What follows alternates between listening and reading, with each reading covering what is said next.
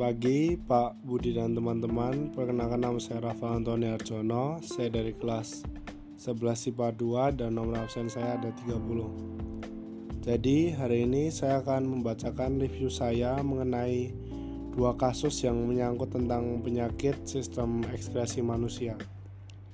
Ya, jadi dalam dua kasus ini kebanyakan memuat penyakit yang menyerang organ ekskresi yaitu ginjal dalam kasus pertama, terdapat wabah penyakit ginjal misterius yang menyerang serta menewaskan 20.000 orang di Sri Lanka. Wabah yang menyerang ini masih belum diketahui, tetapi dampaknya sangat mengerikan, yaitu bagi orang yang terkena atau bahkan tertular penyakit ini akan menyebabkan organ ekskresinya tiba-tiba berhenti berfungsi dan dapat menewaskan orang tersebut. Kemungkinan dari terjadinya wabah penyakit ini diduga dikarenakan oleh masih kurangnya sarana untuk mendapatkan air bersih serta penggunaan pestisida dan pupuk.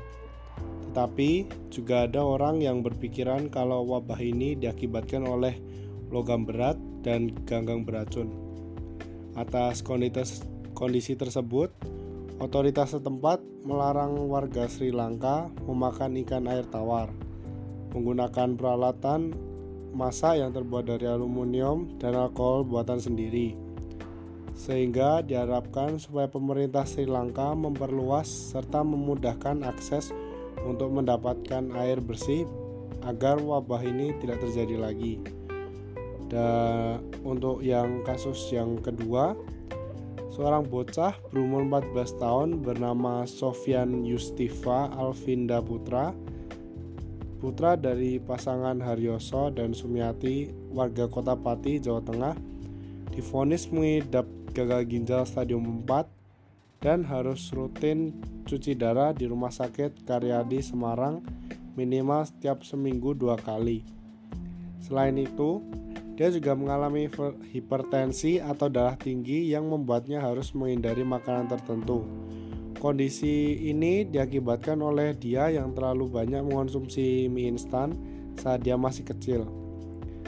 Kondisi itu membuat Sofyan tidak bisa buang air kecil yang mengakibatkan lambungnya membesar, sehingga dia harus cuci darah dua kali seminggu juga untuk mengeluarkan urinnya tersebut. Jadi, dapat disimpulkan dari kasus 1 dan 2 kalau penyakit ekskresi dapat menyerang semua orang mau muda maupun tua. Serta penyakit ekskresi dapat disebabkan oleh dua faktor, yaitu faktor dari dalam serta faktor dari luar. Sehingga kita diingatkan untuk terus menjaga sistem ekskresi kita sebaik mungkin supaya kita dapat menghindari penyakit-penyakit tersebut. Sekian dari saya. terdapat kalimat yang salah atau berkenan uh, mohon dimaafkan. Sekian terima kasih